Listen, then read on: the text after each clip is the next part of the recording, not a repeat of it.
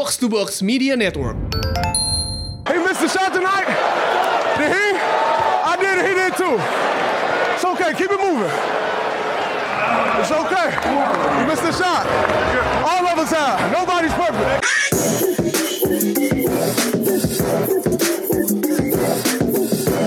What up, what up?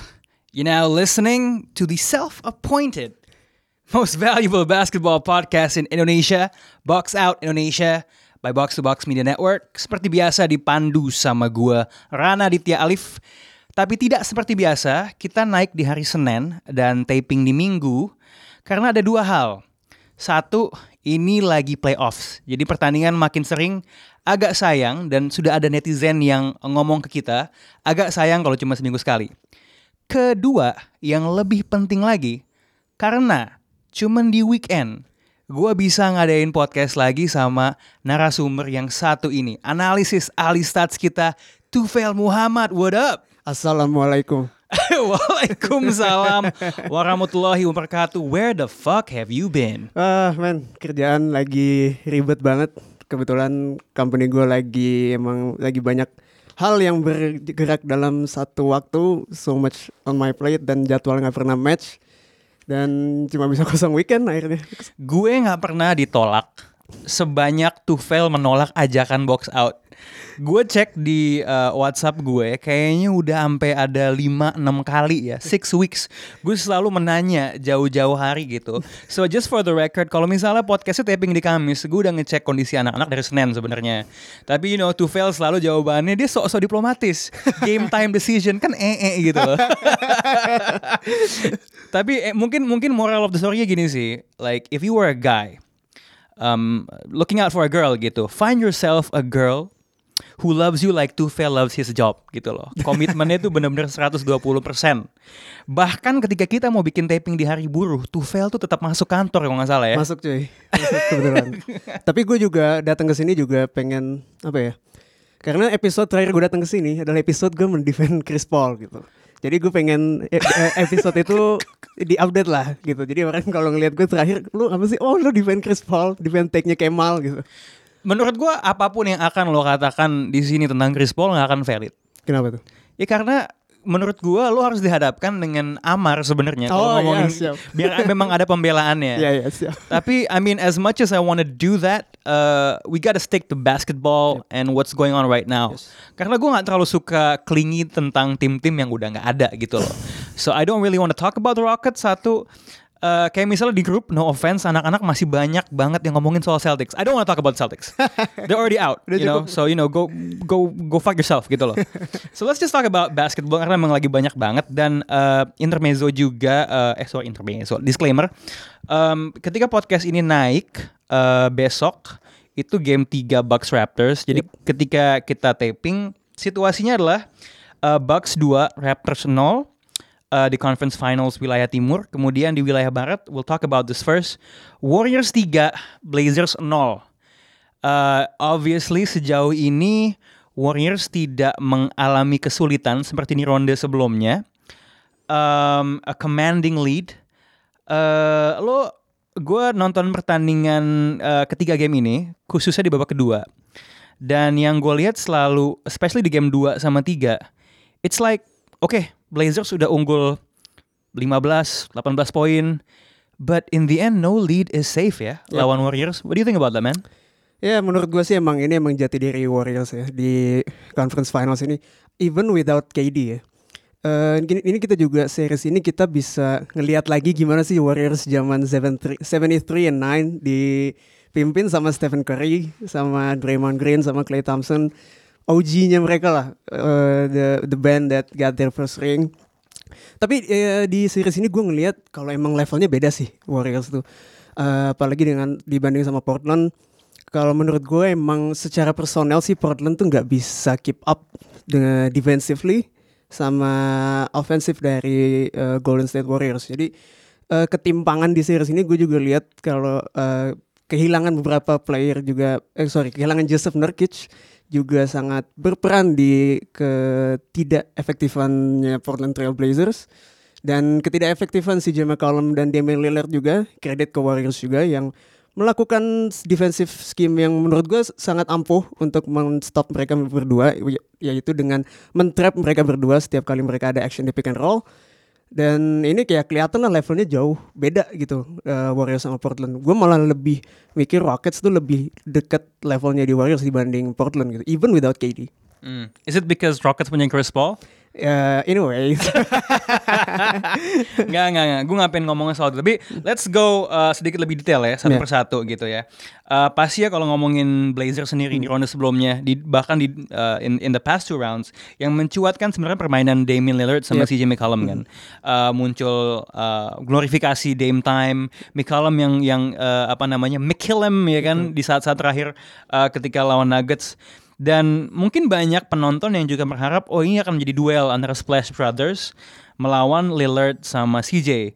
Tapi sejauh gini it's really been one way traffic ya. I'm just gonna go quickly to the stats gitu kan. Lillard is only shooting 32%. 15 dari 46. Uh, CJ lebih parah lagi 23 dari 62 secara field goal. Sedangkan Stephen Curry as we know memang ibaratnya kembali ke MVP form. Uh, he's like 36, 37, 36 points every game. He's uh, shooting 50% field goal wise, 40% three point, doing what we know he does best. Dan kalau kita lihat juga keseluruhan ya, tim ini gua mau membuka kesempatan bagi lo untuk menafsirkan ini ya. Ini kan main tanpa KD, Yep. ya kan? Dan kelihatan kayaknya secara team play itu Warriors lebih asik gitu mainnya. Uh, dan memang ada statistik yang menunjukkan kalau drop off ketika tidak ada KD dibandingkan drop off dibanding ketika tidak ada Curry, apalagi ketika tidak ada Draymond Green, itu justru lebih drastis. Nah, in face of that statistics, lo menafsirkan sebenarnya hubungan KD dengan sistemnya Golden State ini seperti apa sih? Eh, gua ngelihatnya ya justru sebelum KD masuk ke Golden State itu kan emang kalau gue sih ngelihatnya emang KD ini eh, Warriors gak butuh KD sebenarnya. Warriors itu butuh KD hanya di posisi di playoffs di mana mereka menghadapi tim yang eh, melakukan defensive scheme dengan full switch 1 sampai 5 dan mereka harus membuka kunci dengan main satu lawan satu gitu. Di situ- ISO. ISO yes. Di situlah mereka eh, KD ini berperan gitu. Sebenarnya sebelumnya kalau nggak ada KD dengan adanya Harrison Barnes pun yang cukup dengan spotting up dan shoot three saja, mereka tuh sudah cukup sangat juggernaut juga gitu.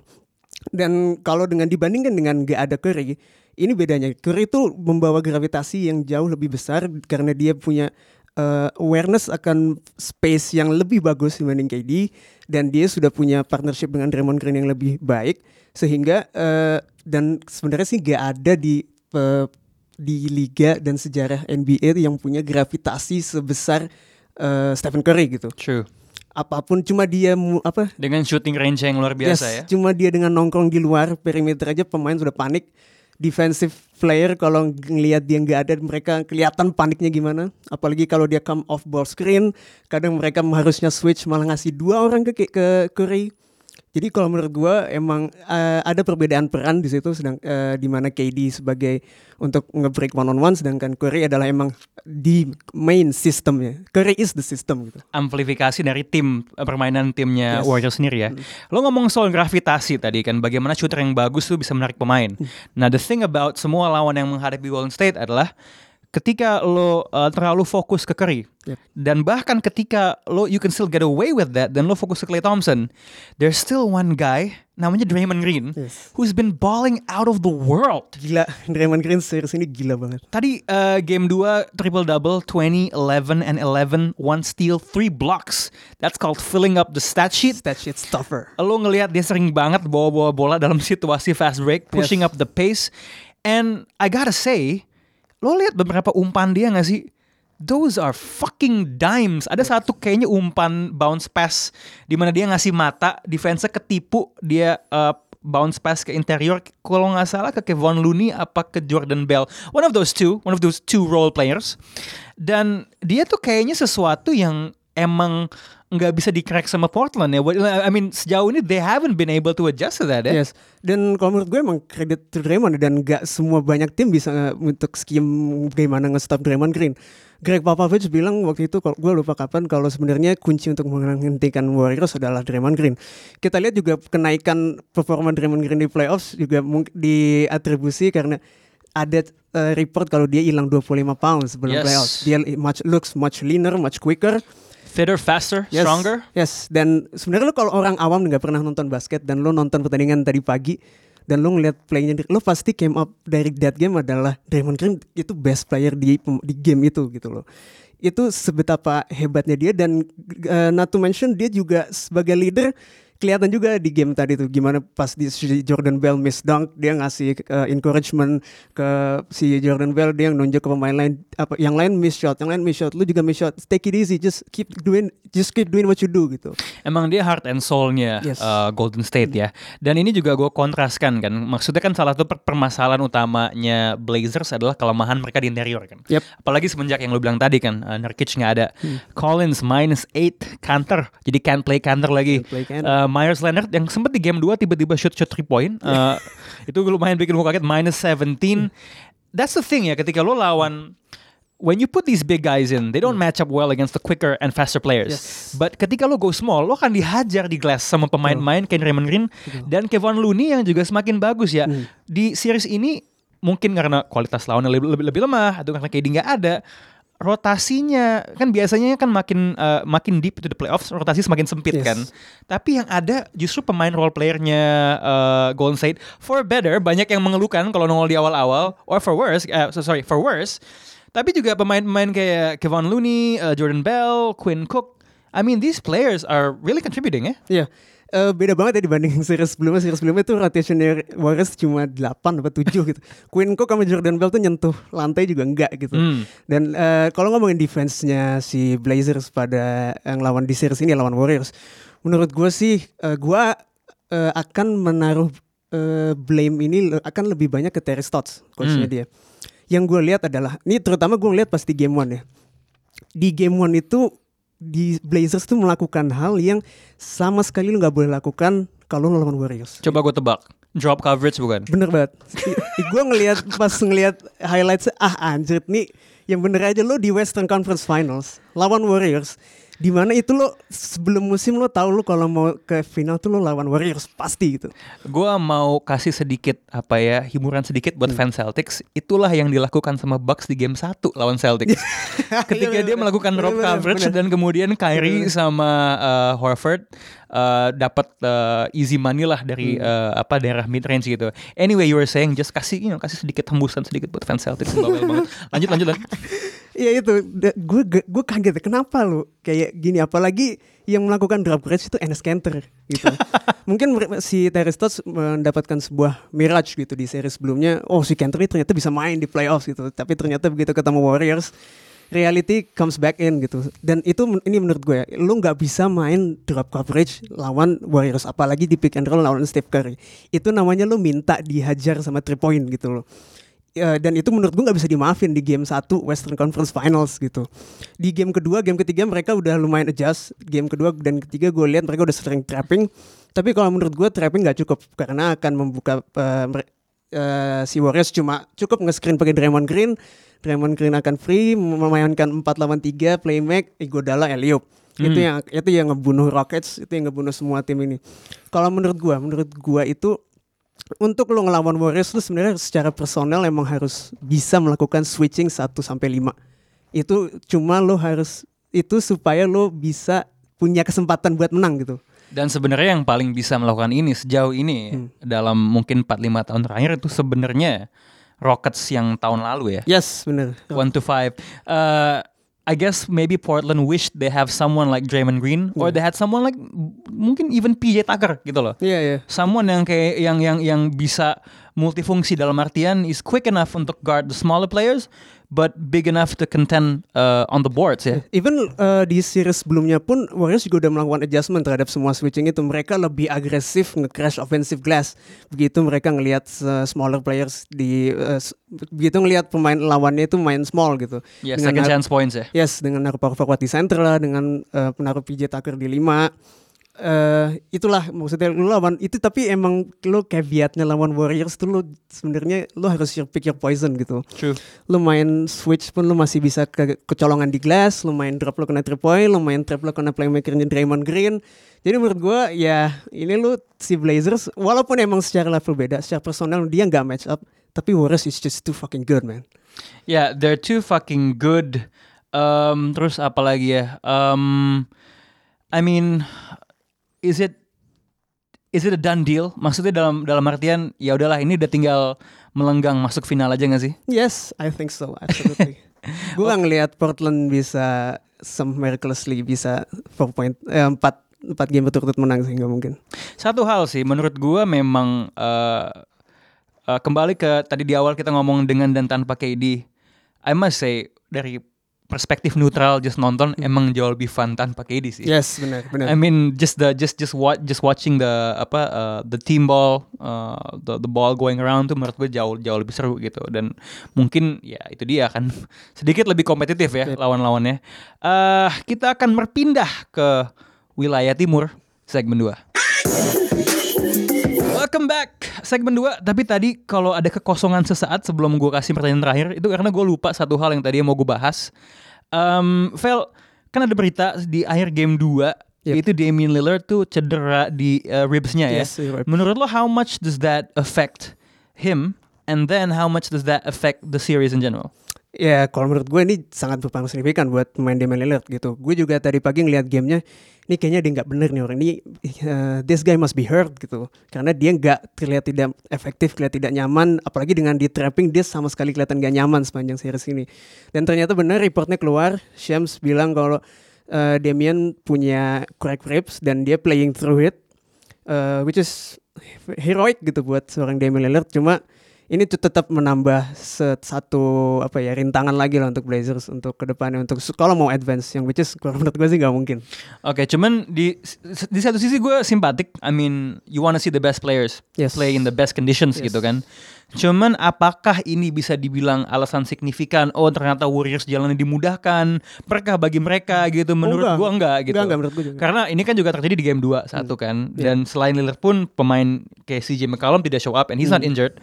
Dan gue mungkin agak merujuk ke biasa kan kalau lo ini kan eh, eh, komentator ESPN di matchup ini kan Jeff Van Gundy sama Mark Van Jack- eh, eh, Mark, Mark Jackson. Jackson. Mark Van Jackson. Eh, dua eh, pasangan ex pelatih yang selalu ngomong tentang oh permainan yang keras. Iya. Ya mungkin karena dibentuk di tahun 90-an gitu mereka berdua. Cuman gua ada satu poin dibilang the best players can play through pain. Maksudnya Stephen Curry di game 6 eh, dan 5 waktu lawan Rockets kan juga jarinya cedera. Yes. Tapi malah semakin akurat kan. Jadi if we are going to judge Lillard in the same breath as we judge someone like Steph Curry, and menurut gue we should do that for his credit juga gitu. Dan I say menurut gue itu nggak bisa jadi uh, excuse. Kedua menurut gue ini tidak kalau mau dibilang ini affecting yang pertama perbedaan kedua tim ini udah jauh banget kan. Yep, yep. And this is not one of those injuries yang terjadi seperti misalnya ketika LeBron di final 2015 bawa tim Cleveland yang itu tim nggak ada Kevin Love sama Kyrie itu kan signifikan banget, Yep. gede banget. It's not even on the same level as uh, ketika Kawhi Leonard di ketemu. Zaza gitu kan. Dizazakan. Karena at that point in that match Kawhi lagi menggila gitu Yes. kan. Sampai ada istilahnya katanya Kawhi itu put the fear of God into the Warriors gitu loh. Ini Walaupun pertandingan cuma jadi- dua quarter. so maksud gue, uh, I don't think, I mean it's a shame, but I don't think this takes any away from the narrative of how good the Warriors are, Yes. because no excuses. So let's just move on to series yang gue kira tadinya akan lebih ketat ya. Um, tapi sejauh ini Bucks one way traffic banget, unggul 2-0, and from how they're playing, gue sih menduga mereka akan menjadi lawan yang tangguh kalau misalnya ketemu Warriors nanti di final. Tapi sejauh ini apa perbedaan yang paling mengejutkan dari kedua tim ini, Bucks sama Raptors buat Lovel? Eh, perbedaan paling mengejutkan adalah betapa deepnya tim Milwaukee Bucks ini. Orang-orang lupa kalau Bucks ini sebenarnya adalah the best team in the regular season gitu. True. Number one in net rating 60 and 22 and oh, silakan dan eh, top 3 defense nggak salah dan top 5 offense. on both sides ya. on both sides dan dimotori dengan satu MVP yang sama sekali nggak bisa di stop. Dan kalau menurut gue emang satu tim, Sorry sorry sorry. Yep. Sama sekali nggak bisa di stop termasuk sama Al Horford deh. yes, Al Horford sendiri nggak bisa. silakan lanjut. Dan juga orang mungkin lupa karena ekspektasi sebelum masuk preseason dalam Milwaukee Bucks oh adalah menjadi dark horse karena ada Giannis dan new coaching change. Tapi eh eh, dan gue pun sedikit guilty untuk nge-put Celtics over Bucks pas beberapa podcast beberapa bulan lalu karena gue menurut gue Stevens punya coaching advantage tapi ternyata dibuktikan dengan sangat eh, absolut di seri sebelumnya. Tapi tunggu benar, menurut gua kalau misalnya ngomongin pemain on paper Yep. dan Stevens, Mhm. menurut gua memang kayaknya nih Celtics tuh lebih menjulang. yes. But it just clicks kayak elemen-elemennya tuh lebih cocok gitu loh kalau Yeah. ngomongin bench Milwaukee. Ya kalau menurut gue emang Milwaukee ini eh, selain dia deep tapi fitnya tuh bagus Hmm. banget. Hmm. Eh, waktu itu gue pernah dengar siapa ya, Ryan Russillo dari The Ringer dia bilang kalau tim ini tuh ngingetin dia akan 2011 Dallas Mavericks di mana tim yang dimotori satu superstar, satu franchise player dan dikelilingi sama tim yang emang bener-bener nge-complement skill setnya dia. Kalau kita lihat Giannis ini kan dia biasa main di inside. Dia start dari perimeter dan goes inside. Nah, gimana cara memaksimalkan uh, ability Giannis di inside? You have to space with shooters gitu. Dan ini yang dilakukan Mike Budenholzer dikasih Brook Lopez, dikasih Mike, Malcolm Brogdon, dikasih uh, Chris Middleton. Jadi at any given minute di pertandingan Bucks itu selalu ada lima shooters dan dan mereka selalu main five out basketball which is lima pemain berdiri di perimeter itu space yang gede banget buat Giannis untuk beroperasi gitu Tambahan lainnya, selain dia main dengan uh, empat shooter di sekitar Giannis, Yes. kebetulan shooter-shooter ini panjang, yes tinggi, dan uh, beberapa dari mereka juga bisa bawa bola ya. dan itu versatility gitu jadi eh, di sisi offense sangat cater buat skill setnya Giannis dan di sisi defense juga cater untuk defense yang sangat mengganggu untuk lawannya gitu. Pada- eh, ini kalau kita lihat personelnya di Mi- Milwaukee Bucks dia ada eh, siapa Bledsoe, Brogdon, Middleton, Giannis sama Brook Lopez. Dan kalau misalnya ada Nikola Mirotic sama Ersan Ilyasova, sebenarnya ini personel yang cocok untuk mainin switch defense dari 1 sampai 5 kalau Brook Lopez duduk. Cuma dengan defense konservatif yang dimiliki yang diemploy sama coach Bud, ini aja mereka sudah cukup gitu untuk menghempaskan eh, Toronto Raptors di di series kali ini. Di episode sebelumnya si Ariel gue lihat eh, gue dengar dia bilang kalau dia bring up point yang menurut gue bagus kalau coach Bud tuh sebenarnya sedikit konservatif dalam defensive scheme gitu.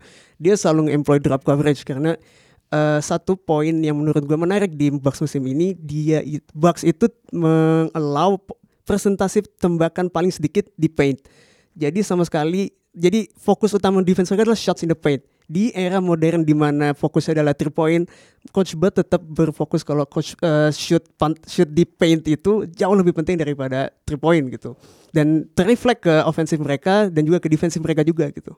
Ya memang kalau kita lihat juga uh, it's like they drop and they build a wall in the paint karena mereka kan sebenarnya termasuk tim yang di regular season ya. Hmm. Kalau tidak salah justru paling banyak membiarkan orang uh, nembak three point. Yes. Walaupun yang dibiarkan biasanya adalah pemain-pemain yang persentase three pointnya paling rendah di Iya, tim lawan Betul.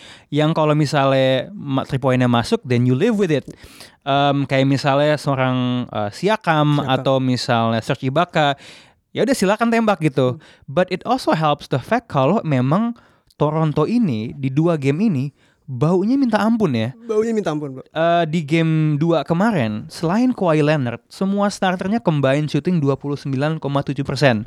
I mean tadi kita sedikit ngomong soal role player kan, Hmm. dan bagaimana eh, bench dan supporting playernya Milwaukee itu sangat kontributif, Yes. eh, punya karakteristik yang luar biasa cocok dengan Giannis, and they're all long and tall. Gue kayak ngerasa ini kalau dulu Toronto itu identik sama bench mob, sekarang kebalik Milwaukee yang punya bench Yes. mob dan Toronto yang nggak punya, yang rotasinya juga nggak terlalu dimaksimalin. And boy man, gue ngelihat pemain-pemain kayak uh, Gasol bapuk banget. Um, Danny Green sangat-sangat average. Siakam terlihat sebagai manusia berukuran biasa dikelilingi pemain-pemain Milwaukee yang uh, panjang-panjang. Dan lu tau gak sih apa hal yang paling akan bikin gue concern kalau gue fans Raptors? So. Game 1 kalori mainnya bagus and you still lost. iya gak sih? Iya, benar-benar. gitu kayak lu lu lu, lu ngelihat ini kan sang seriously shifting ke Toronto. Lu would you give them some hope karena udah main di eh, di depan fansnya yang berisik sama Drake gitu?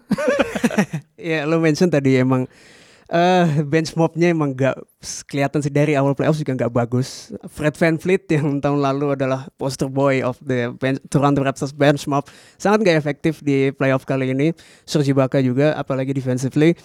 Eh, dan lo mention tadi Kawhi Leonard cuma sebenarnya Toronto ini cuma ketolong ada Kawhi Leonard aja yang lainnya entah kenapa inefektif. Pascal Siakam kalau menurut gue kelihatan the stage is too big for him kalau gue lihat. It's like game 7 lawan Philly lagi, man. Yes, benar, benar, benar. Dan gimana ya? Eh di game one aja si lo bilang Kyle Lowry shooting wangi dan dia masih kalah itu Bucks itu juga shootingnya lagi bau True. role player itu mereka And they bau. won't shoot like that again. Yes, dan ak- akhirnya kebuktikan di game kedua mereka wangi dan mereka di blow out. Jadi kalau menurut gue sih sweep sih is on the table. Oh my god, Paul Palele, listen to that.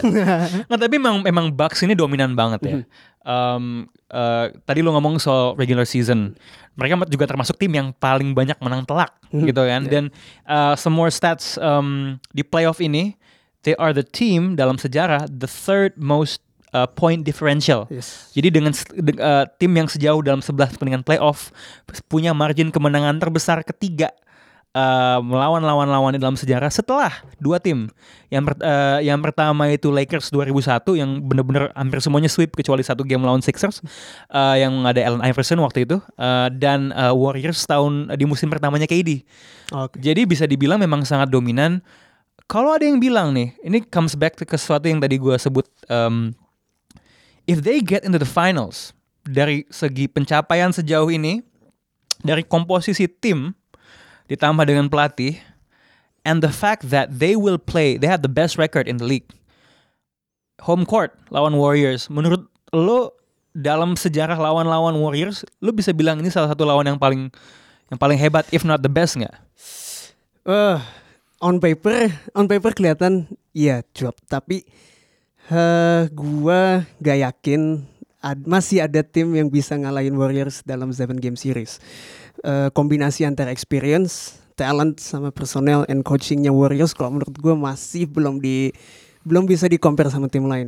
Walaupun kalau menurut gua Bucks akan ngasih perlawanan yang bagus banget, the best perlawanan kalau menurut gua dalam series ini dalam musim ini diba- lebih dibandingkan Rockets, lebih dibandingkan siapa pun lawan Warriors di playoffs ini karena kalau menurut gua Bucks secara personal kayak yang gue bilang tadi bisa melakukan secara defensively scheme switch dari satu ke lima dan mereka eh, tetap gak ada yang punya answer lawan Giannis Antetokounmpo gitu. Di the, even di Warriors. Dan gue menarik, gue pengen tahu gimana Warriors nge-stop Giannis gitu. Ap, siapa yang akan dia kasih? Apakah KD yang jaga Giannis ataukah Draymond yang jaga Giannis? Atau mereka akan double atau mereka akan trap? Gue sangat penasaran Kevin Looney, Jonas Jerebko mungkin.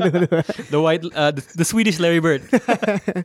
ya menurut gue bakal menarik banget ditunggu cuma ya ini sorry banget buat fans Blazers sama Raptors kita mungkin udah look way ahead ke finals dan udah mulai mempreview dua tim yang akan bermain nanti Menurut lo Bucks akan main dengan drop coverage nggak lawan Warriors? menurut gue enggak menurut gue bunuh diri menurut se Seharusnya ya udah ada pelajaran lawan Celtics kemarin yes, kan. bener. dan menurut gue sekonservatif konservatifnya Bud dia nggak bego gitu dia pas dan dia punya pasti bakal kalau dia sweep dan Warriors sweep dia punya 10 hari untuk prepare untuk Warriors. Jadi kalau menurut gue akan dilakukan scheme yang cocok untuk melawan Warriors Dan eh, juga ngomongin soal Coach Bud ini sebenarnya pencapaian dia terbaik ya. Soalnya Yes. kan ketika lawan Hawks kan juga masuk conference final tapi kemudian di sweep kan. Hmm. Jadi so far this is definitely without a doubt his his Dan best season. Poin yang lo bring up tadi bagus di mana dia si box itu poin differential paling tinggi itu membuat box itu lebih banyak blowout dan mereka sering meres starters mereka di end of games. Dan biar lebih segar. Da- Dan hasilnya Giannis tuh average minutes di playoffs lebih kecil dibanding True.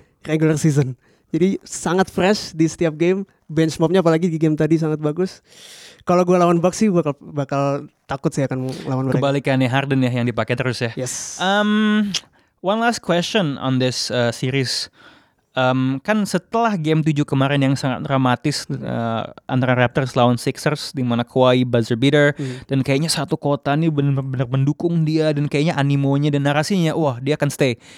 If this becomes a quick series lawan Bucks di mana satu-satunya faktor yang ngangkat Raptors adalah Kawhi Leonard. Dalam hal dalam kata lain, if this continues ya, apa yang terjadi di dua game pertama terjadi di game 3 mau 4. Menurut lo pendulum untuk dia cabut dari Raptors tuh geser lagi nggak? geser lagi. Gue pas dia lolos ke conference finals, begitu dia buzzer beater, gue mikir nih kalau dia bisa lolos ke finals nih, bisa lawan Bucks, kemungkinan besar dia mungkin akan stay. Se unpredictable unpredictable Kawhi gitu. Tapi ngelihat bagaimana series ini berjalan, ngelihat dia hanya single handedly carry this team, ngelihat Kyle Lowry, Serge Ibaka, Fred VanVleet, uh, Pascal Siakam nggak bisa nge-carry dia, gue sedikit ragu lagi gitu. Again, balik lagi kita nggak bisa tahu apa yang dipikirkan Kawhi gitu. Secara historis juga decision making dia sebenarnya juga nggak nggak konvensional gitu. Uh, kalau menurut gue sih tetap the money is on him going to LA tetap. Itulah ladies and gentlemen resikonya rental satu tahun. Yep. Oke, kita akan ngomongin soal kita ganti pemandangan dari ngomongin soal playoff ke hasil draft lottery kemarin yang memuaskan buat gue. Box out segmen 3 uh, eh, di tengah panasnya playoff tim-tim yang bapuk uh, diundi nasibnya untuk melihat akan mendapat peringkat berapa di draft tahun ini. Uh, draft lottery sudah berlangsung dan seperti yang kita ketahui hasilnya adalah number one pick yang sudah pasti dipakai untuk Zion Williamson itu didapatkan oleh uh, Pelicans, uh, second pick Grizzlies, third pick ha ha ha ha, ha New York Knicks, with the fourth pick uh, Kyle Kuzma mewakili uh, Lakers yang dapat ya, kemudian with the fifth pick Cavaliers, Six Suns. Um, sebelum kita ngomongin soal oke okay, siapa yang bakal ke mana and what does this uh, make for all of these uh, teams uh, futures gue pengen ngomong sedikit soal perubahan sistematikanya ya. Um, ini kan oddsnya berubah dari tadinya kalau misalnya lo tim yang paling jelek rekornya, odds lo dapat first pick itu 25%. Yep. Sekarang tiga tim terburuk tuh 14%. Flat. Uh, sama rata dan juga selisihnya nggak terlalu beda jauh ya kalau nggak salah cuma 1,5 persen ke yang dapat uh, odds dengan empat dapat dengan, dengan rekor keempat terburuk dan uh, sebagai uh, hasilnya Knicks yang udah wah, berhasil tanking tidak berhasil mendapat peringkat satu dan tim-tim yang juga sepantaran Knicks ya jadi bom roknya Cavaliers sama Suns bahkan tidak dapat uh, top 4 pick. Nah, lo termasuk orang ini kan NBA membuat ini pinginnya mereka mengdisin apa incentivize tanking. Yeah. Maksudnya oke okay, biar mungkin tim tuh tankingnya tuh nggak nggak jelas-jelas amat lah hmm. gitu lah dibandingin sebelumnya. Nah, lo lebih suka odds seperti ini atau sebelumnya? Gue lebih suka odds seperti ini karena lebih banyak chaos gitu. Kemarin tuh banyak banget tim yang di posisi 6 atau di bawah posisi 3 naik ke top 4 dan dirubah kan biasanya top 3 jadi top 4 yang diambil. Dan ya karena banyak pergerakan lebih gue sebagai fans yang uh, suka akan entertainment justru lebih prefer odds yang kayak gini gitu. Kalau gue senangnya uh, beberapa hal sih. Satu, gue fans Indiana Pacers yang tidak pernah melakukan tanking. Yep. Uh, mungkin itu cuman egonya Larry Bird ketika menjadi konsultan. Oh, selalu bilang kita ini organisasi yang benar gitu. Jadi gue senang ketika ada tim-tim yang sengaja banget bapuk itu gagal mendapatkan apa yang dia mau. Karena come on, I mean in in sometimes tanking itu bisa kayak lo main sabun gitu lo lo lo, lo sengaja jelek gitu hmm. and I think it's in a way it's too much of an easy way out gitu and it goes against why you play sports in yes. the first place gitu kan uh, and secondly yang paling menyenangkan adalah yang kena korbannya Knicks like I hate I hate that organization. Mungkin karena gue fans Indiana di tahun 90-an yang selalu ketemu Knicks. Dari zaman John Starks. John Starks gitu. Um, gue seneng banget apalagi Reggie Miller dulu ketawa tiwi di Madison Square Garden. Tapi juga karena gini loh, Knicks tuh organisasi yang bomrok pemiliknya cutthroat banget. Mm. Tapi karena posisinya di New York, dan big market, mereka kan selalu mendapatkan kesempatan untuk menarik pemain-pemain yang mau main di New York gitu loh. Jadi menurut gue, gue selalu ngeliat itu sebuah keunggulan yang gak adil. Jadi di saat mereka dizolimi di bulan Ramadan, itu bikin gue semakin seneng lagi gitu loh. Dan sekarang lo udah liat belum sih? Gue gue ngakak setengah mampus ya ngelihat si Stephen A. Smith yang dia, oh, liat, belum liat. wah lo lihat dia di Get Me Up ESPN di mana dia ranting um, soal nasib naasnya like we're not even good in failing basically. Dan mungkin juga soal karena driver sendiri ya. I mean um, it's not a bad class. It's it in in in in some respects it's a pretty good class. Tapi emang agak top heavy top gitu. heavy. Zion or bust Zion or bust dan memang kalau lo jadi fans Knicks lo bener-bener harus ngesesuaiin ekspektasi lo dari Zion ke RJ Barrett ya. RJ Barrett. Do you think RJ Barrett is a good draft pick? Ah, gue sebenarnya di after Zion sama Jamoran setelah itu crapshoot. Gue nggak nggak tahu gimana bagaimana dia bakal translate It game. can go anyway, ya? Yes, bener lu bisa bass, bisa oke, bisa role player, bisa all star. Eh, lagian kasihan sih next sih walaupun dia Mampus bukan kasihan. tapi eh, kasihan fans-fansnya cuy. Dia udah dari musim awal udah sengaja nggak mainin KP, nggak mainin Porzingis untuk tanking dan dia udah trade semua asetnya supaya dia bisa punya salary cap juga. Per- karena kan dreamnya adalah Zion, Kyrie sama KD kan off season ini. Bakal kocak sih kalau yang dapat RJ Barrett, Jimmy Butler sama Tobias Harris gitu. Kemba Walker Kemba Walker Supermax. memang orang yang tidak baik itu nasibnya juga nggak baik sih. Yep. Eh, Oke, let's let's just talk about tim yang dapat peringkat satu. Eh, ini kayak lu dapetin berkah setelah dizolimi ya. Mhm. Anthony Davis mau caw. Sekarang eh, Pelicans em, di bawah GM baru the David Griffin mendapatkan kesempatan nih untuk dapetin Zion dan kayaknya hampir pasti akan dipakai buat ya iyalah masa Pasti. ma- siapa lagi kalau bukan dia gitu kan. Nah, em, oke a few things. Menurut lo ini tuh bisa mengubah stance-nya Anthony Davis atau enggak? Karena si Davis juga bilang kan, gue tetap pingin cabut ke Lakers. Like, f- do you think this changes uh, his idea of apakah gue mau tinggal atau gue mau cabut? Atau dia emang udah ah fuck it, agent gue Rich Paul, gue mau main sama LeBron. Kalau menurut gue dia udah saklek buat pindah. Eh, dan menurut gue kedatangan Zion pun tidak akan merubah niat Anthony Davis untuk stay di New Orleans. Walaupun David Griffin, Alvin Gentry mengingatkan kita kembali kalau kita masih punya Anthony Davis gitu di tim ini dan mereka masih mungkin akan mencoba untuk stay. Tapi kalau mereka pinter dengan udah ada sinyal dari camp AD kalau dia pindah, kalau menurut gue dia akan di trade.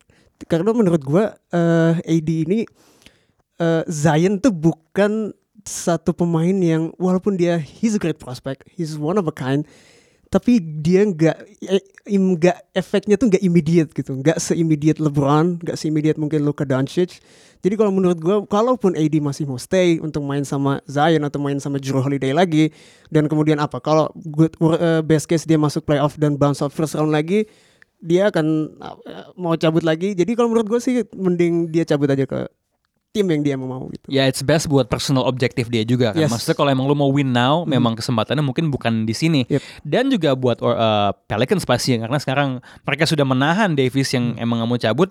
Now ini marketnya lebih banyak tim yang bisa masuk, um, Boston dan lain sebagainya sehingga mungkin lebih lebih banyak aset yang bisa didapatkan untuk Anthony Davis. Pelicans juga kalau mau rebuild cepet juga dapat eh, aset yang bagus bisa build around Zion, Julius Randle dan kalau dia mer- mereka decide untuk nge-trade AD sama Drew, mungkin AD di trade sama Jason Tatum atau mungkin Nah, sama baru gue mau Brandon ngomong Ingram. tuh. atau mungkin di trade sama Brandon Ingram. Itu satu koleksi aset yang jadi bagus banget buat Pelicans gitu. Dan tentunya juga dari segi usia jangkanya lebih panjang Yes, ya because benar-benar. you're potentially trading him with uh, younger players Yep. gitu kan. Nah, ini ada gosip tapi gue gak terlalu setuju sebenarnya kalau waduh mungkin Zion ini udah ekspektasinya gue ke Knicks. Hmm. Walaupun sebenarnya kan kalau 14% berarti 86% kemungkinan ya lu gak ke Knicks gitu kan. so you wouldn't bet on that gitu. Cuman kan sempat ada selentingan wah apakah jangan-jangan Zion akan kembali ke kuliah nggak Hmm. mau main. Like how much stock do you put into those types of rumors? Kalau menurut gua itu cuma apa ya rumor-rumor yang belum gak ada weightnya sih kalau menurut gua. yang dibikin sama fans New York yang nggak mau disebut namanya gitu ya, Yes. dikeluarin aja gitu ya. Ta- tapi menurut gua eh, kan jadi lumayan lucu ya pas March Madness kemarin pas Zion cedera fans-fans pada bilang udah lu shutdown Zion jangan main lagi sampai dia draft. Iya, Masa dia main lagi? Nah begitu dia tahu bakal di draft sama Pelicans udah balik lagi ke Duke kan kocak. Terus juga kalau menurut gua kalau dia bisa sampai decide bilang gua nggak mau draft di draft sama New Orleans Pelicans yang which is a small market menurut gua akan set presiden yang buruk untuk future uh, draft pick gitu kalau seorang draft pick bisa bilang gua nggak mau main di tim ini gua nggak mau main di market ini gimana nasib-nasib small market ke depannya tim-tim small market ke depannya untuk menjadi kompetitif lewat draft gitu mereka nggak punya chance sama sekali kalau kayak gitu True.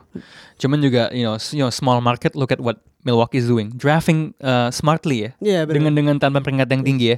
Um, lo bisa ceritain dikit nggak? Uh, lo kan sangat mengikuti NFL. Mhm. Lo ngikutin yang Eli Manning dulu nggak sih? Oh iya. Ah. Itu tuh gimana sih uh, ceritanya? Jadi Eli Manning itu Kan di draft nomor satu Di draft nomor di satu. NFL. Ah. Jadi kemungkinan besar eh, Zion juga akan sama seperti dia kan Hmm. gitu. Tapi waktu itu dia gimana dia mau main nggak salah? Dia kan nggak mau main di eh, Chargers kalau nggak salah karena nomor satu itu dia pick nomor satunya. Kemudian eh, karena power play kayak gitu dan Manning ini emang sudah digadang-gadang prospek yang bagus, dia akhirnya eh, meleverage itu menjadi trade menjadi eh, ke sorry, San Diego Chargers Hmm. oleh seorang Philip Rivers gitu. Jadi sebenarnya hanya leverage play dari seorang pemain yang menurut dia dia eh, mau main di market yang dia emang pengen tahu, pengen emang dia pengen gitu. Menurut lo Zion punya leverage yang seperti itu atau bahkan lebih nggak? eh itu yang menurut gue ini karena kalau menurut gue dia punya gitu tapi I'm not sure he will use that leverage tapi kalau menurut gue justru eh, ada biasanya saying kalau value pemain itu paling tinggi adalah sebelum dia di draft gitu sebelum dia di draft sebelum dia main. Jadi sekarang ini leverage-nya lebih jadi eh, lagi tinggi tingginya gitu. Sebenarnya kalau dia mau memakai leverage itu untuk get what he wants dia bisa. Cuma I don't think he's that kind of person. Hmm. dan menurut gua tapi the fact that he hasn't hired an agent dia sampai sekarang kalau nggak salah belum hire agent itu menurut gua lumayan eh, concerning. Tapi kalau menurut gua dia bukan tipe orang seperti itu dan menurut gua dia akan tetap main di New Orleans Ya, Pelicans mudah-mudahan nanti kalau hire agent bukan Rich Paul ya. um, we have to talk also about the second uh, potential pick Grizzlies juga yang secara mengejutkan juga karena because of the odds bisa dapat peringkat dua gitu. Kayaknya udah ngasih sinyal kalau wah kita maunya jamuran. Mhm. Nah menurut lo itu akan kan they have masih ada Michael Conley. ya Menurut lo Michael Conley ini akan bener-bener akan di trade nggak atau justru akan menjadi semacam mentor buat jamuran? Kalau menurut gua if I'm the Memphis kalau gua akan eh, menjadi Memphis gua akan trade Mike Conley. Karena gua mau accelerate rebuilding proses ini secepat mungkin. Dan dengan adanya Mike Conley walaupun dia sebagai veteran mentor dia nggak mungkin main dari bench. Dia pasti starter. Dan kalau dia menjadi starter berarti less less time buat Jamorant less ball possession buat Jamorant yang harusnya di awal-awal karir dia tuh harus di benar-benar diekspos sebanyak mungkin Lo ngelihatnya jamuran nih memang orientasinya musiknya Treyang ya, kayak langsung yes langsung benar. banyak gitu ya. Benar-benar harus diceburin lah istilahnya gitu. Baptism of fire ya. Dan apalagi di pair sama Jaren Jackson Jr. Kalau menurut gue bakal jadi dua yang bagus. That's a nice pairing ya. Ya. Um, you, you got one really really good big and one good point guard in that team. Dan kalau dia bisa dapetin aset dari Mike Conley yang udah mulai aging dan kontraknya juga lumayan gede. Sangat gede. gede banget dan gue gue gak yakin ada yang mau ngambil. Iya, gue penasaran siapa tim yang yang Mungkin Utah, Utah atau Detroit yang sebelum deadline kemarin kalau nggak salah punya interest ke Mike Conley. Cuma we'll see lah. I hope Detroit fucks that one up. Utah tapi menarik sih maksudnya. Utah menarik Dan gua. pair sama Donovan Mitchell gitu Yep, kan, dan- gantiin Rubio. All Signs juga point Rubio kayaknya bakal cabut ke Uh. Utah dan ya pairingnya cocok kalau menurut gue Donovan sama uh, Mike Conley. Okay, we'll see. A lot will definitely happen between now sampai the actual draft. Anyway, it's great to have you on the show, Tufel. Thank you bro. Uh, mungkin kalau gue lagi nggak capek uh, next weekend lo gue tarik lagi. anytime. Oke. Nggak anytime sih, weekend time. Di segmen berikutnya kita akan membahas soal basket lokal.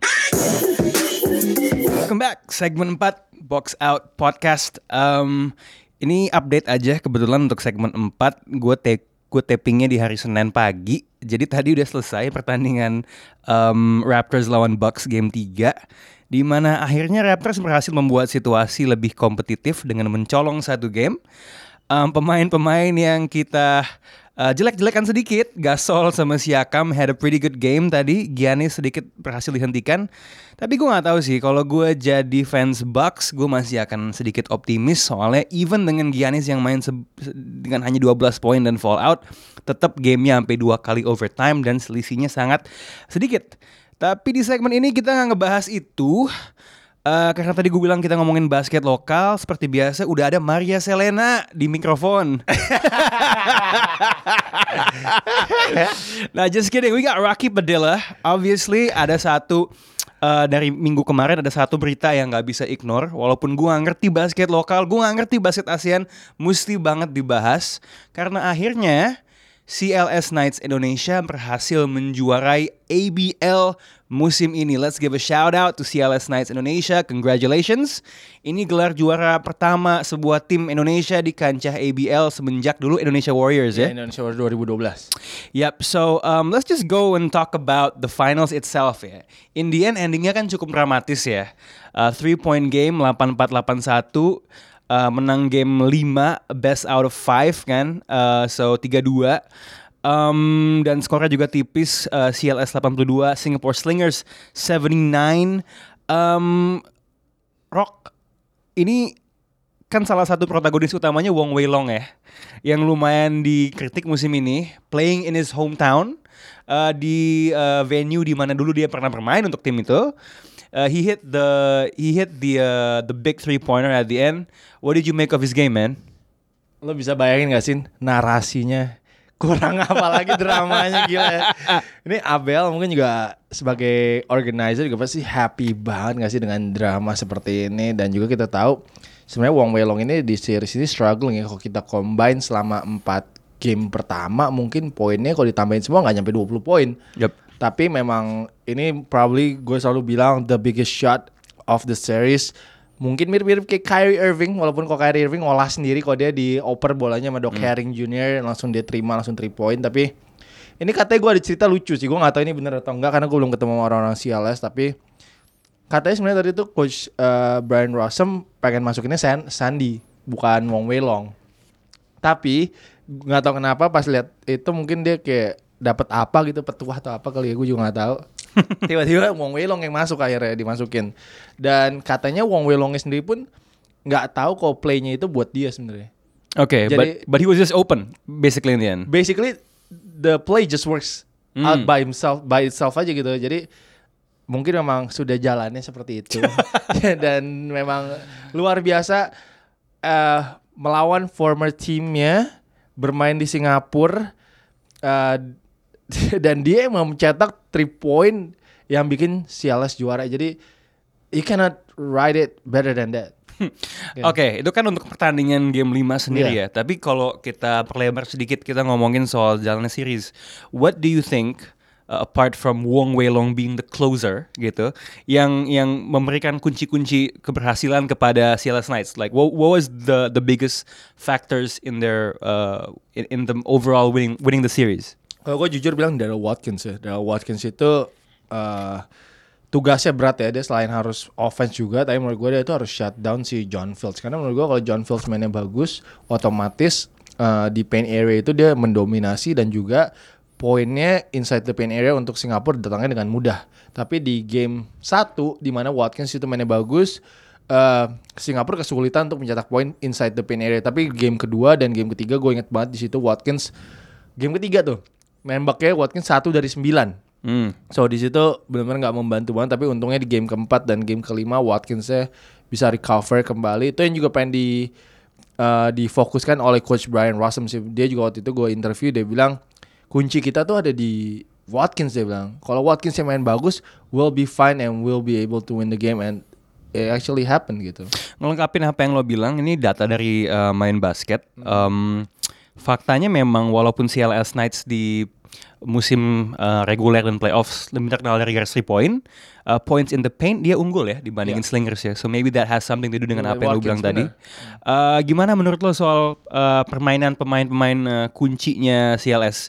Uh, Douglas Herring, which I know lo, lo suka banget sama dia, Iya.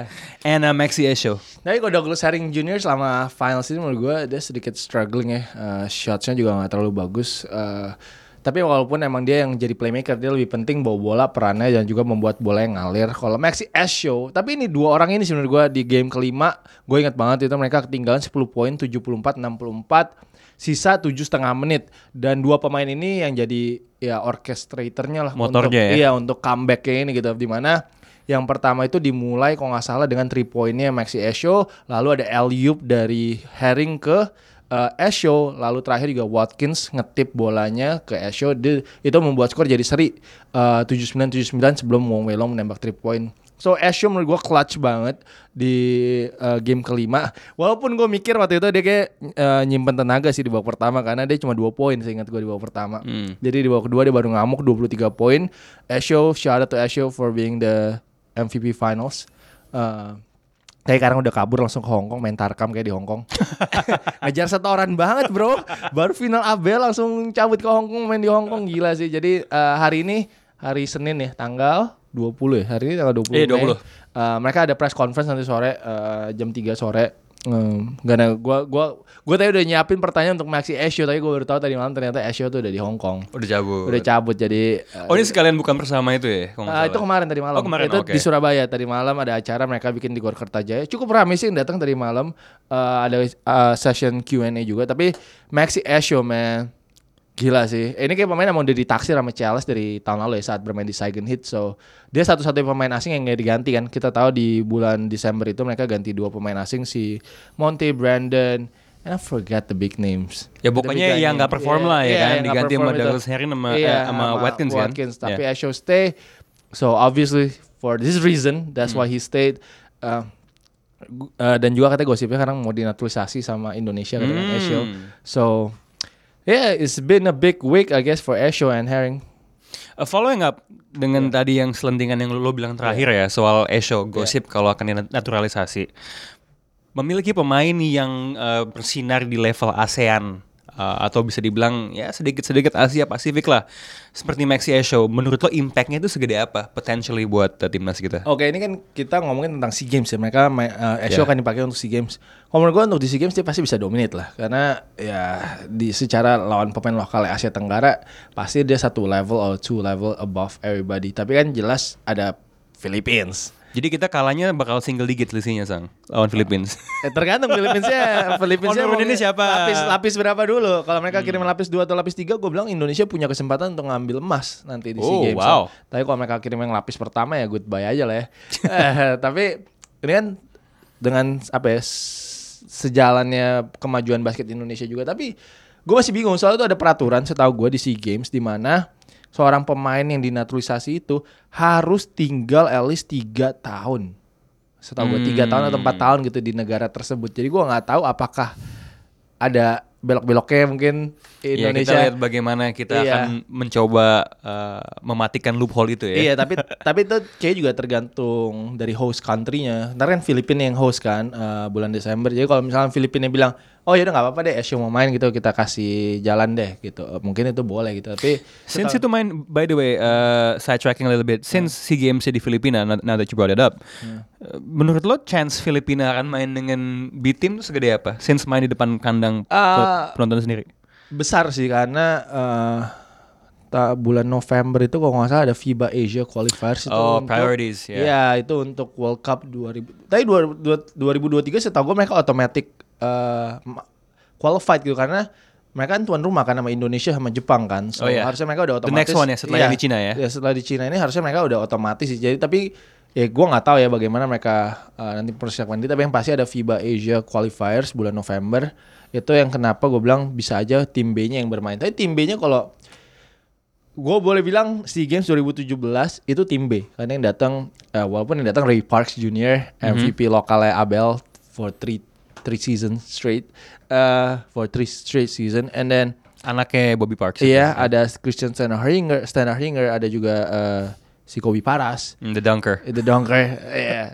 And Kiefer Ravena gitu. Jadi menurut gua itu ya dibantai Indonesia dibantai sekitar 39 poin Ya, ingat gue gua. gue inget pokoknya kuarter 3 sama 4 itu udah aliup aliup Kobe Iya, Paras ma- aja. makanya kan udah pokoknya orang udah nonton Kobe Paras ya lah, pokoknya udah tepuk tangan buat Kobe Paras ya the whole half. Tapi eh, iya itu B, itu itu menurut gua tim B gitu, bukan tim A Hmm. gitu. So kita bisa lihat berapa beda jauhnya gitu. Dan kita Indonesia di SEA Games kali ini pemainnya boleh dibilang muda-muda semua gitu. Dia mereka udah mau mulai regenerasi gitu New blood. new blood. Mereka sisain senior paling cuma Arki and mungkin I don't know who else. Tapi karena yang gue ingat cuma Arki doang sih yang di yang senior banget ya. Eh, karena juga baru pemanggilan pertama, mungkin ntar ada pemanggilan kedua lagi. But Eh, iya nih regenerasi sih. At least jadi mungkin mindsetnya mereka at least gue harus bisa ngalahin Thailand lah. Karena kita mungkin eh, untuk medali perak yang paling dekat adalah Thailand. Hmm. Eh, kalau ada Asia gue bilang sih harusnya udah lock lah ya. Automatic. Udah otomatis harusnya bisa eh, perak. Tapi nggak boleh lupa sih di Thailand tuh ada Tyler Lam sih. Kita tahu Tyler Lam tuh eksplosif banget dan juga bisa menjaga Tunggu tunggu, Tyler Lamb ada hubungan sama Jeremy Lamb nggak? nggak ada. Tyler ya? Lam nih eh, pemain Mono Vampire kemarin main Oke di Mono oke. Vampire. Oke oke. Bekas UCLA he play kayak one season tapi one season kayak cuma red trim red, red shirt doang sih di UCLA and then dia pindah ke Long Beach uh, University kalau nggak salah. Itu juga di one. And iya Tyler Lamb doang sih. Tyler Lamb jago banget tapi menurut gua ya Esho bisa lah jagain dia. Oke, nah, eh, kembali ke CLS sedikit setelah kita berspekulasi soal timnas Iya. dan uh, SEA Games. Tapi in the end nih, menurut lo perubahan terbesar eh, CLS musim ini dibandingkan, I mean ini kan loncatan yang cukup signifikan ya dari tadinya lu nggak masuk playoff, sampai lu kita ngiranya oh masuk playoff aja udah bagus nih, and then in the end juara gitu. Menurut, menurut lo perubahan yang paling eh, signifikan tuh apa? Is it just simple masalah pemain yang masuk atau what what would you pinpoint it to? actually simple sih pemainnya itu masuk sih dua sih it's not even hard to say karena It's not X's and O's, it's the players. No, it's the players because Doc Herring Jr. menurut gue tuh benar-benar yang membawa impact paling besar ya. Di mana bola jalan, and then Wong Welong bisa balik ke. Menurut gue Wong Welong tuh posisi naturalnya ada shooting guard, so he's not a point guard gitu. Jadi Wong Welong bisa catch and shoot aja gitu. And bo- uh, yang bawa bola si Doc Herring gitu. So saat Doc Herring masuk, Wong Welong bisa balik ke posisi naturalnya. Everything works really good gitu loh. Jadi bukan cuma sekedar kualitas pemainnya, ya, tapi what they actually do. Yes. Now you have someone who can pass the ball, the Yes. ball is moving around, Yes, someone uh. who can shoot, play off the ball, and jadinya semuanya serba lebih flowing ya. Iya, eh, oh gue harus ingat big man-nya namanya Stephen Hurt. Eh, Yang Steve- ditendang, Yang atau- ditendang. Nah si Stephen Hurt ini dulu itu bukan orang yang bisa menjaga paint area. Jadi interior defense CLS waktu itu menurut gue kurang bagus saat ada Stephen Hurt dan juga dia nggak bisa nggak ada post move. So there's no post threat. Sekarang ada Daryl Watkins masuk, eh, itu ada post threat, eh, post threat, and then juga ada eh, interior defense si CLS lebih bagus karena emang dia bloknya juga bagus kan si Daryl Watkins walaupun udah tua gitu tapi at least dia juga orang lebih sangar gitu kan. Mungkin orang-orang juga kalau mau ngedrive agak ngeri gitu dengan rambut gimbalnya. Then- Rim protector. Yes, rim protectornya ada. So Doc Herring Jr. and uh, Daryl Watkins jelas membawa elemen-elemen yang gak dimiliki oleh Monte Brandon dan juga Stephen Hurt dan itu langsung elevate uh, CLS Games. Tapi ya, gue juga nggak mau memberi uh, menjauhkan kredit untuk Brandon Jawaro. Menurut gue Brandon Jawaro the whole season dia cukup konsisten dan dia adalah the best perimeter defender menurut gue di ABL kemarin ini sih. Hmm, oke. So intinya sebenarnya uh, this is not a mid-season trade ya, but that decision to cut two Yeah. and bring two worked wonders.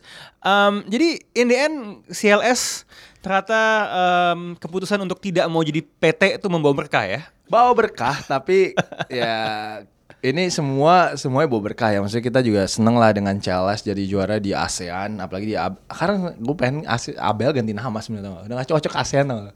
Asia. Karena, iya harus sudah ada, ada Hong Kong ada Macau gitu. Kayak nggak cocok gitu. Tapi jelas nih berkah and suatu pencapaian untuk eh, basket Indonesia. Orang lebih bisa mengenal lebih mengenal lagi basket Indonesia. Walaupun kemarin gue eh jujur sih agak memang ada beberapa kekecewaannya dengan perilaku fansnya CLS. Mhm. Eh, bagaimana gue juga udah bilang di video gue sebenarnya kita kok bisa dukung secara sportif tuh lebih bagus ya karena kita kan juga mau menunjukkan kepada negara-negara lainnya. Sorry, boleh lo jelasin sedikit nggak what, what exactly happened? ya? eh, pertama itu gue kemarin eh, denger di Gor Kertajaya itu ada orang bawa toa kan, and then mereka menirukan suara. Ya ini kayak di sepak bola sebenarnya sih, suara monyet untuk ke John Fields. Oke. Uh, and then juga beberapa kali kalau John Fields lagi mau jalan keluar lapangan suka dikasih jari tengah. Oh, So I know, I know, I know Surab- uh, all the fans is really kayak apa fanatik banget dan Hmm. mereka sangat antusias banget dengan ini. Tapi gue udah berkali-kali sih bilang di video gue ya kalau bisa lebih baik sebenarnya kita sportif lah, jangan sampai ada hal-hal seperti itu karena sangat disayangkan sekali timnya juara, Hmm. tapi uh, fansnya kalau dibilang Yeah, we don't need that. ya. Iya, sayang kan kalau fansnya bilang wah fansnya kayak gini nih gitu, Eh, nggak sportif lah ngasih. Soalnya sering banget di live stream ke ketangkap Oh masuk ya kamera audionya. iya enggak Oh. bukan Oh, audio tapi bentuk- orang oke. jari tengah gitu kasih jari tengah so it's really bad for Indonesian basketball aja gitu secara uh, apa ya kayak kita pengen dicap sebagai orang yang ramah lah ya, sebagai orang-orang Indonesia yang ramah dan baik gitu. I don't get that, you know, lu melakukan sesuatu yang rasis ke pemain eh, berkulit eh, hitam. Dan lu punya juga. Iya, that's that's weird. That's really good. Cuma I know mereka uh, mereka benci banget sama John Fields karena John Fields sering banget kayak trash talk dengan fans atau juga sering melakukan gesture-gesture yang mungkin sedikit meledek gitu. Tapi menurut gua yang dilakukan oleh John Fields itu masih dalam batas normal gitu, nggak yang sampai berlebihan gitu. Masih trash talk pada Iya, umumnya. ya. trash talk pada umumnya gitu. Eh, jadi eh, nggak sampai berlebihan. Jadi gue sangat sayangkan sebenarnya itu aja sigma ini tentang kemenangan Charles. Tapi overall sih ya we are all happy lah tentang ini. Hopefully ke depannya bisa jadi pelajaran juga untuk para fans. Maksud gue apalagi kita mau jadi host FIBA World Cup 2023 and then sekarang juga ada beritanya katanya mau Olimpiade 2032. so we have to apa ya, show the world that you know we have class. Iya, and- bukan cuman per- perkara nanti Iya. bisa ada world class venues tapi Iya, punya world class fans, juga. gitu ya. ya. Jadi uh, kita bisa sebagai contoh aja gitu. Jadi biar para pemain juga mau datang gitu.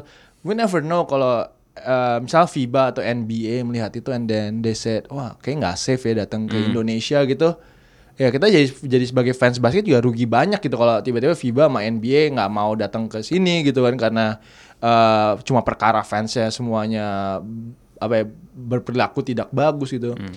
So I think bukan kita mikir cara apa jarak pendek aja kita harus mikir jangka panjang gitu kayak ke depannya karena kita tahu Indonesia kan mau majuin olahraga and then man we have of talents juga pemain-pemain muda apalagi pemain sepak bola kalau boleh ngomong juga pasti banyak banget pemain muda so ya hopefully lah kita bisa jadi uh, tuan rumah yang baik lah untuk apalagi FIBA 2023 ya. Speaking of jangka panjang, perkembangan ya. Hmm.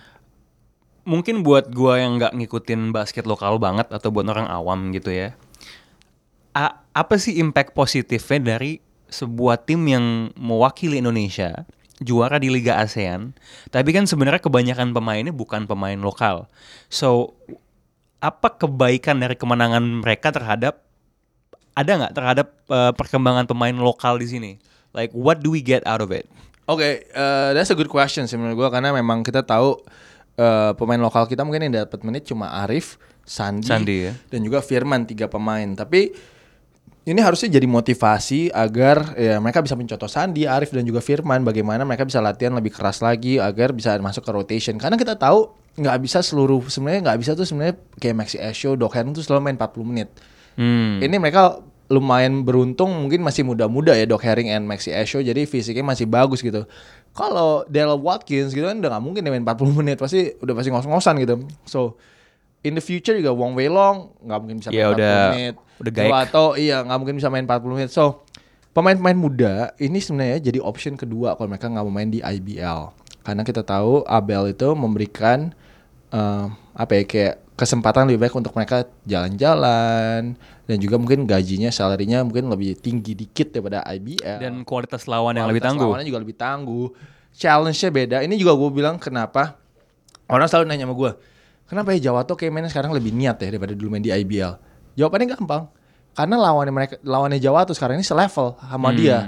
Eh, mungkin ada yang lebih jago daripada dia. So he's excited dengan challenge ini gitu. Kenapa? Kalau di IBL dia waktu itu mungkin lebih santai orangnya nggak seniat segini. Sekarang kan dikit-dikit video apa storynya lagi latihan lagi diet atau apa gitu. Kan sekarang Eh, karena dia dulu main divisi 1 di University of Hawaii jelas lah kalau dia datang pulang walaupun dia dengan cedera-cederanya dia dia masih levelnya di atas para pemain lokal yang lain gitu kalau di IBL sekarang dia ketemu dengan pemain yang se-ASEAN ini ini lebih memotivasi dia untuk lebih bagus apalagi dia juga masih he has a chip on his shoulder untuk buktiin kalau dia adalah pemain salah satu pemain terbaik di Indonesia. Itu kenapa menurut gua dia sangat termotivasi banget. But back to the topic ya kalau mereka pemain-pemain muda ini kalau gue lihat sekarang kan mereka punya akses ya ke YouTube nonton NBA League Pass gitu. Mereka jadi bisa lebih mem- mempela- mempelajari game-gamenya. Walaupun menurut gue kebanyakan anak-anak sekarang tuh fundamentalnya jelek sih tapi dribblenya jauh-jauh. Hmm. dribblenya jauh-jauh kayak Kyrie Irving. Semua ngeliat Kyrie Irving lah Steph Curry. Tapi fundamentalnya basicnya tuh kurang banget. Tapi Ini kalau kata Mark Jackson ini ya the Stephen Curry is destroying the game. Yes, tapi tapi the future is is pretty bright ya kecuali Hmm. mungkin moga-moga sih baik yang tinggi ya. Kalau gue lihat karena anak SMA main anak SMP tuh tingginya agak kurang gitu, kayak nanggung-nanggung tingginya gitu. Gizi apa small ball tuh? Kenapa tuh? gue gak tau makanya nih gue gak ngerti makanya gue harapkan gue pengen ada guard yang kayak Agassi Agassi pun menurut gue is coming up gitu Agassi mau ke Spanyol kan jadi uh, so he's coming up uh, he's 6'2 I guess 6'1 6'2 main guard Uh, yeah, that's a pretty good size ya. That's pretty good size. Makanya gue pengen banget Okay. punya banyak guard di Indonesia yang setinggi gitu untuk bawa bola. Karena untuk compete di international, you need height. Height tuh nggak bisa bohong gitu. You cannot teach height gitu. So the the future is bright. Kalau gue lihat dari SMP, SMA skillsnya semua bagus-bagus. Tinggal berharapnya bertumbuh tinggi semua sih. One last question. Um, ini sepanjang lo ngecover ABL musim ini, lo sempet jadi eh ini ya, eh, sportcaster ya, sempet jadi announcer ya. Wah itu belepotan. What was it like, man? Itu berarti lo harus lo harus bahasa Inggris kan? ngomongnya? Nervous. Karena gue jarang banget ngomong bahasa Inggris sepanjang game ya. Hmm. Eh, belepotan yang pasti pertama. Apalagi waktu gue game pertama tuh lawannya Hong Kong. Mhm. Lu harus bisa ngomong, bisa harus nyebutin nama-nama pemain Hong Kong. Which is itu susah banget. Kecuali pemain asingnya ya. Kalau nama-nama pemain asingnya oke lah. Tapi pemain lokal tuh gue pusing banget. Cuma gue cuma hafal satu doang. Yang pemain lokal namanya Licky, itu shooternya. Tapi it was an amazing experience. And selama gue jadi sportcaster di CLS dua kali. They are 2 and 0. That's, You uh, like the lucky charm ya? Iya, 2 and 0 so yeah, we'll see next season ini yang pertama sih lucu sih. Yang pertama tuh seben- sebenarnya ini dua kali gue gue cerita deh. Dua kali itu nggak sengaja. Yang pertama itu eh, kayaknya mereka cuma mau ngetes. Kayak gimana sih kalau Rocky jadi eh, Oh nggak salah yang pembawa, pembawa acaranya yang pertama itu tiba-tiba cancel. Jadi gue jam 4 pagi terbang itu sebagai fotografer. Jam 8 pagi nyampe Surabaya itu jadi sportcaster, jadi pembawa acara On the fly. on the fly. gue nggak punya research sama sekali. On that day gue nggak research sama sekali. Gue bener-bener apa on ya dari on top of my head aja gue kayak gitu. Jadi itu yang pertama. Yang kedua karena lagi liburan pasca di Filipina. Jadi gak ada komentator sama sekali yang mau terbang. Cuma hostnya doang yang mau terbang. So they need one. So actually dua kali dua-duanya nggak sengaja sih. So but it was a great experience. Semoga ya tahun depan mereka lebih memakai gue lagi karena eh, kalau dari fansnya Ciales sendiri mereka kayak lebih comfortable dengan ada gue gitu karena eh, first of all gue lebih tahu informasi lebih banyak tentang pemain CLS daripada Hmm. host yang lain karena Lo host, punya orang dalam ya? Iya punya orang dalam karena kan hostnya semua kan eh, orang Filipin. Dan yang lucu tuh dua kali, dua-duanya tuh nggak ada yang pernah ngikutin game ABL gitu, nggak pernah ngikutin Oh. game CLS gitu host gue. Eh gue sampe bingung lu, lu gimana mau bawa acara kalau lu nggak pernah ngikutin gitu kan? Ha- And then ya gue bingung aja gitu. Tapi ya I guess orang Filipin bisa on the fly semua juga Oke kira-kira aja gitu ngomongin so. eh, gue always get a good support sih dari orang-orang yang nonton gue saat gue jadi sportcaster karena it's fun, it's fun. Walaupun gue nggak terlalu ngerti pola-pola permainan, tapi gue orangnya lebih suka kayak memberikan informasi yang off the court tentang para pemain atau bagaimana. Kayak gue waktu itu, misalnya gue waktu Mono Vampire gitu, gue pernah ketemu sama uh, Moses Morgan dulu di uh, NBA Summer League. Jadi gue sering hangout sama dia, so I know like a couple of stuff dari situ juga, yang insight-insightnya. So hoki juga sih gue dari dulu kenal sama beberapa pemain ini, so I got like some inside story about them. But sekarang kita tunggu aja apakah Chelsea akan kembali lagi ke ABL tahun depan. Oke, uh, and uh, satu hal lagi mudah-mudahan lo kembali jadi komentator tahun Amin. depan. Karena kita tahu Abel Chelsea sama Abel kontraknya cuma 2 tahun so it's, Oke. it's- gue gak berani belum berani nanya sih karena uh, I don't think I want to I want them to think about this right now karena gue mau mereka enjoy dulu juaranya mereka and then maybe after like one month one uh, two months kita baru bahas lah karena menarik nih uh, Abel sendiri kan agak concern jujur dengan um, para fansnya karena mereka melihat uh, terlalu bonek kali ya boleh bilang terlalu bonek banget main gitu terlalu brutal ya. terlalu brutal gitu mereka jadi agak concern dengan uh, keselamatannya pemain dan juga main sedikit tercoreng tuh masuk Straits Times di mana um, Ini harian Singapura ya. harian Singapura. Gua nggak tahu sebenarnya ini ceritanya benar atau enggak karena of course ini selalu ada dua sisi lah ceritanya. nggak mungkin satu sisi doang. Mungkin ada cerita Slingers, ada cerita CLS, kita nggak tahu. Cuma kemarin kalau baca di korannya tersebut, busnya Slingers pas lagi habis shoot around di game ketiga paginya itu ada busnya diikutin sama mobil katanya kayak meneror meneror busnya Slinger sampai hotel gitu. Jadi itu sangat disayangkan banget tapi gue nggak tahu itu benar atau enggak jujur aja karena gue cuma baca di Straits Times saja karena kita nggak tahu juga apakah wartawannya buat-buat atau enggak tapi gue udah lihat videonya ada online Oke. eh, di mana busnya Slingers itu emang dijagain sama mobil di depan kayak diikutin apa kayak ditahan-tahan lah sama mobil di depannya gitu so eh, sangat disayangkan sekali tapi ya itu udah terjadi semua kita sekarang cuma bisa ya let's be better aja gitu next season Ya, mudah-mudahan masih mendapat kesempatan. I mean dulu Detroit Pistons ketika juara uh, NBA 2004 lawan Lakers itu fansnya juga banyak yang nongkrong di luar hotel Iya. tempat uh, pemain Lakers nginep terus bunyi-bunyiin klakson. Jadi Eh, mudah-mudahan seperti itu lah kita mudah-mudahan seperti itu lah I'm not saying that I'm, uh, um, um, you know, saying that it's okay to do that, Yeah. but hopefully we'll get away a little bit and hopefully we'll improve. I mean it's still a game. It's just a basketball game. It's, Yoi. it's nothing serious gitu. Kita nggak usah sampai mau mencelakakan orang atau ngata-ngatain orang. It's, we are here as a fan. Kita enjoy the game. It's it's all entertainment gitu. It's nothing serious. It's nothing more than that gitu. It's all fun and games. Yes, it's all fun Okay. and games. This has been fun, Rocky Padilla. Um, happy holidays. Mau Thank ke mana? you. Coba diceritain. mau ke Irlandia. Ireland. mau nggak ngerti mau ngapain juga bokap gue. Gue udah bingung Lo doang. nyari leprechaun di ujung pelangi di sana. Udah, Oke, thank you. Yeah, Ana, thank you. today. Yes. Um. So this is Raditya Alif. This is Box Out, and we out.